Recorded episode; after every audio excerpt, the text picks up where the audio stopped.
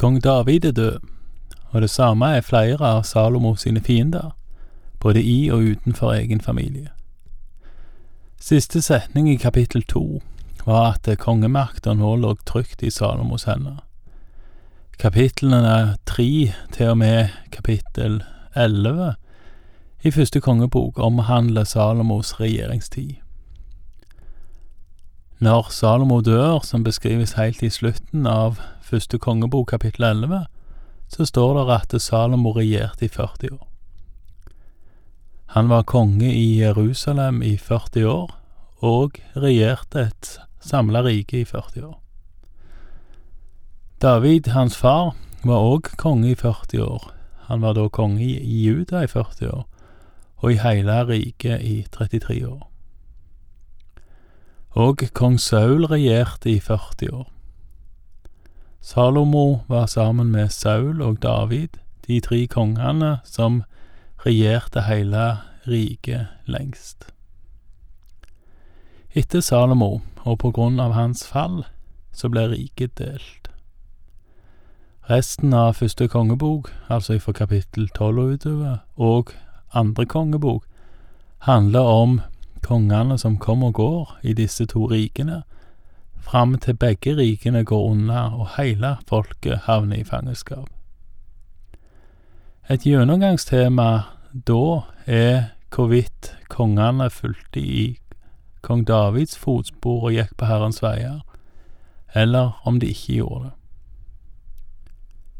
David var ikke perfekt, langt ifra, men likevel så settes han som standard eller måleenhet for alle konger som fulgte, og for sin sønn Salomo. Nå skal vi se på hans regjeringstid, ei lang og veldig, veldig rik tid for Israel, hvor hver mann sådde under sitt eget fikentre og vintre.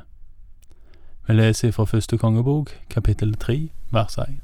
Salomo ble svigersønn til farao, kongen i Egypt.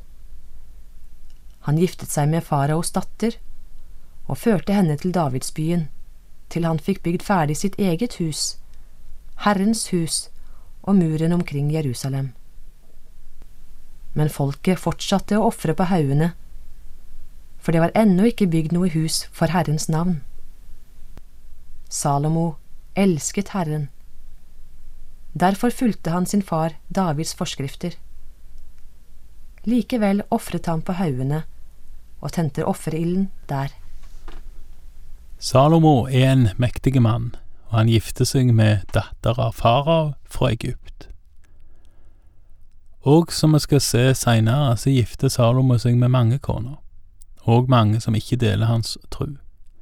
Til slutt er det vel dette som faktisk feller Salomo. Så legg gjerne merke til at starten på kapittel tre om Salomos store regjeringstid starter med at han gifter seg med ei hedensk kone.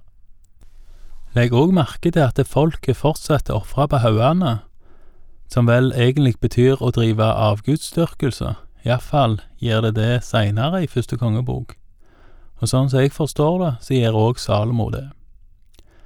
Allerede fra første vers i kapittel tre, første vers etter at kongemakta lå trygt i Salomos hånd, så kan en allerede der ane noe av spenningene som til slutt skal felle han. Gjennom hele 40 år, med noen av de rikeste tider i Israel, og med en vanvittig bygdeaktivitet, blant annet bygning av tempelet. Gjennom hele denne tida ligger noe ulme i Salomos liv, noe som ikke er oppgjort, noe som skulle vært annerledes. Kanskje som en surdeig for å bruke et annet bibelsk bilde. En liten surdeigsbit som til slutt surner alt melet. Zalo elsker Herren, men han ofra på haugene, og han gifta seg med mange hedenske kvinner, deriblant hedenske kvinner som til slutt lokka han til å ofre til andre guder på haugene. Vi leser videre fra vers fire. Kongen dro til Gibeon for å ofre siden det var den største offerhaugen. Tusen brennoffer bar Salomo fram på alteret der. I Gibeon viste Herren seg for Salomo i en drøm om natten.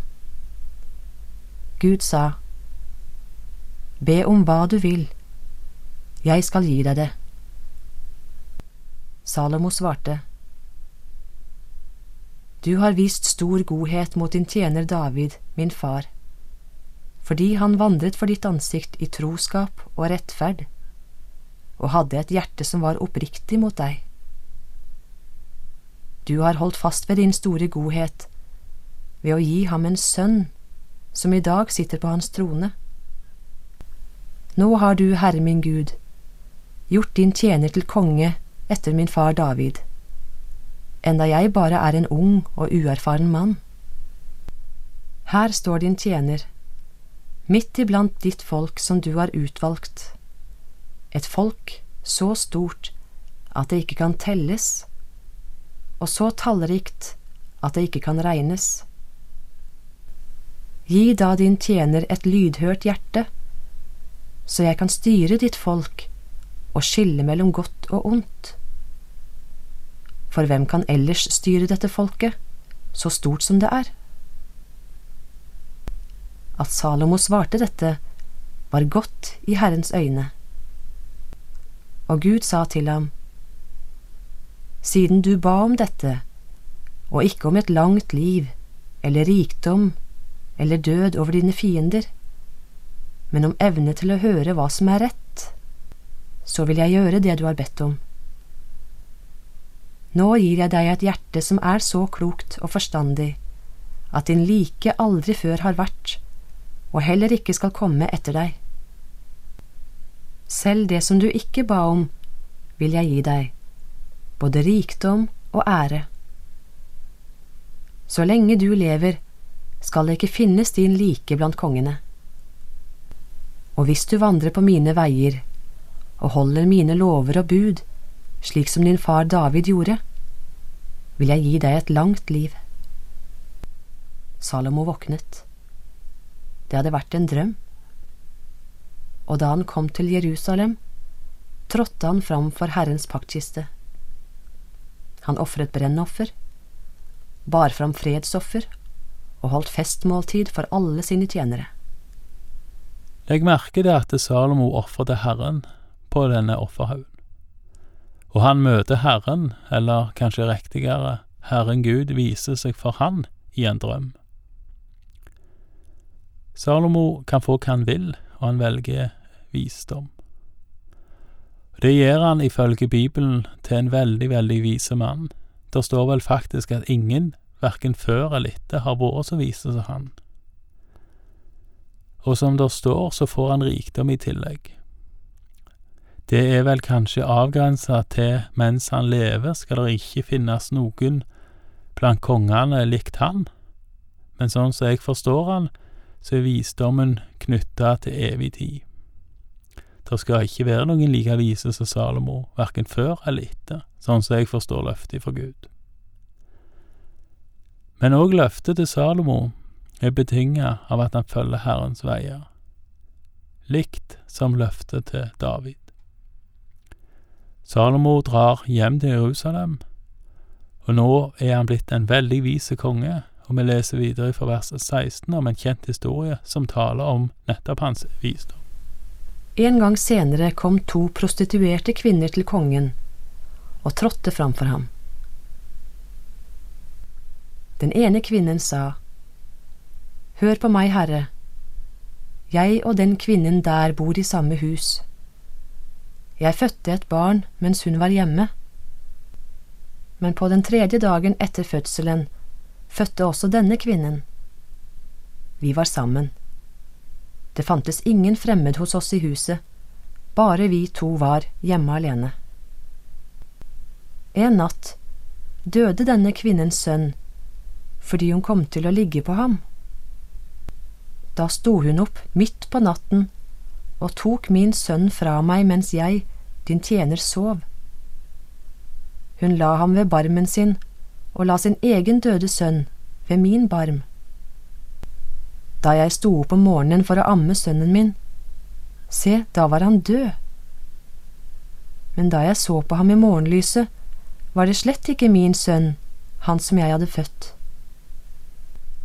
Da sa den andre kvinnen, Nei, det er min sønn som lever, og din sønn er død.